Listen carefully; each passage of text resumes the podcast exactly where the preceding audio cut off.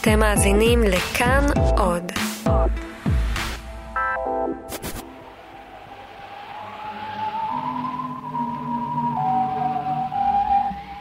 כלבם של בני בסקרוויל.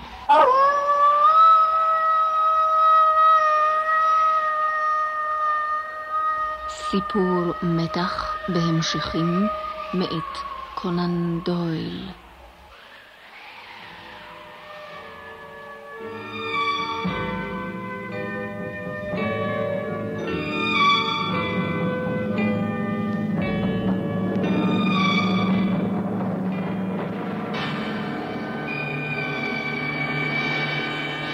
אנחנו באנגליה של תחילת המאה. בתחנת המשטרה שבמחוז דבון חוקר המפקח את מותו של סר צ'ארלס בסקרוויל, בעל טירת בסקרוויל, שמת לפתע פתאום. הוא מת כנראה מהתקף לב פתאומי. לאחר מותו נפוצו במחוז כולו שמועות בדבר קללה עתיקה, קללה הרובצת על בני בסקרוויל. הדוקטור מורטימר, רופאו של סר צ'ארלס, בא לבקש את עזרתו של הבלש הפרטי הנודע מכולם, שרלוק הולמס. משרתו של סר צ'ארלס היה זה שגילה את גופת אדונו. הפנים, כך סיפר ברימור המשרת למפקח המשטרה, היו מעוותים, כמו איזו מסכה נוראה. ומה אמר הדוקטור מורטימר?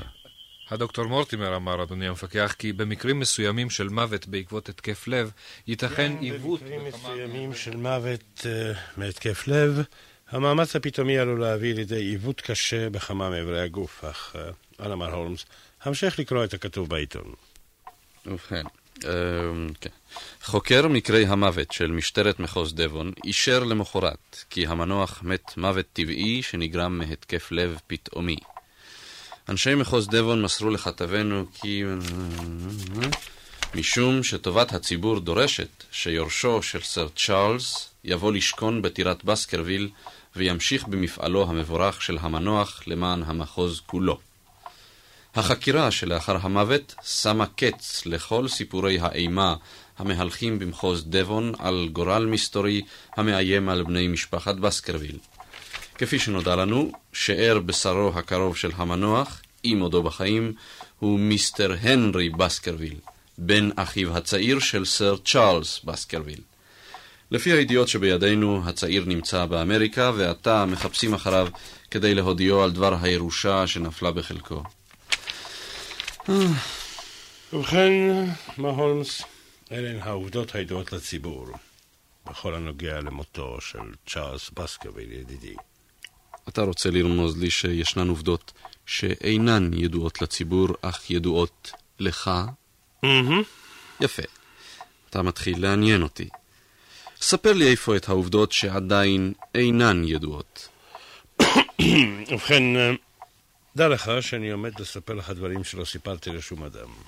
בשעת החקירה העלמתי את הדברים מכיוון שלא רציתי, בתור איש מדע, להשמיע דברים שיש בהם לחזק אמונות טפלות. אמונות טפלות?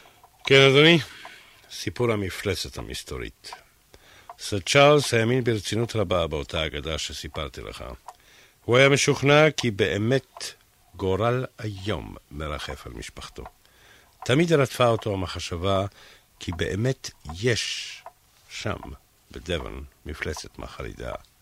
פעמים אחדות גם שאל אותי אם קרה לי שפגשתי בלכתי בלילה מין יצור מוזר, או אם שמעתי נעמות כלב.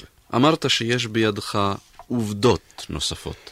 כן, מר הולמס. ובכן, כל מה שאמר ברימור היה נכון. העקבות באדמה הרכה, הפרצוף המעוות עד דברי הקר, הגופה שאיש לא נגע בה לרעה, רק דבר אחד היה חסר.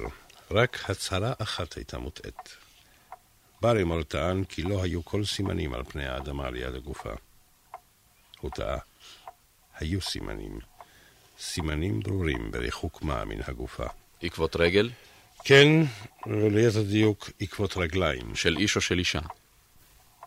מיסטר הולמס, העקבות היו עקבותיו של כלב ענק.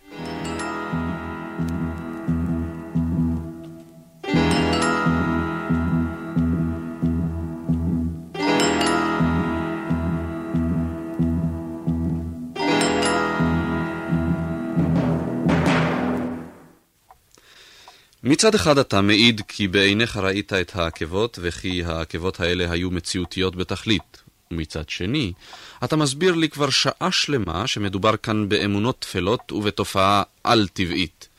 הרי זה כאילו שתאמר לי בנשימה אחת, כי אין כל טעם לחקור בנסיבות מותו של סר צ'ארלס, אך בו בזמן אתה מבקש שאחקור זאת.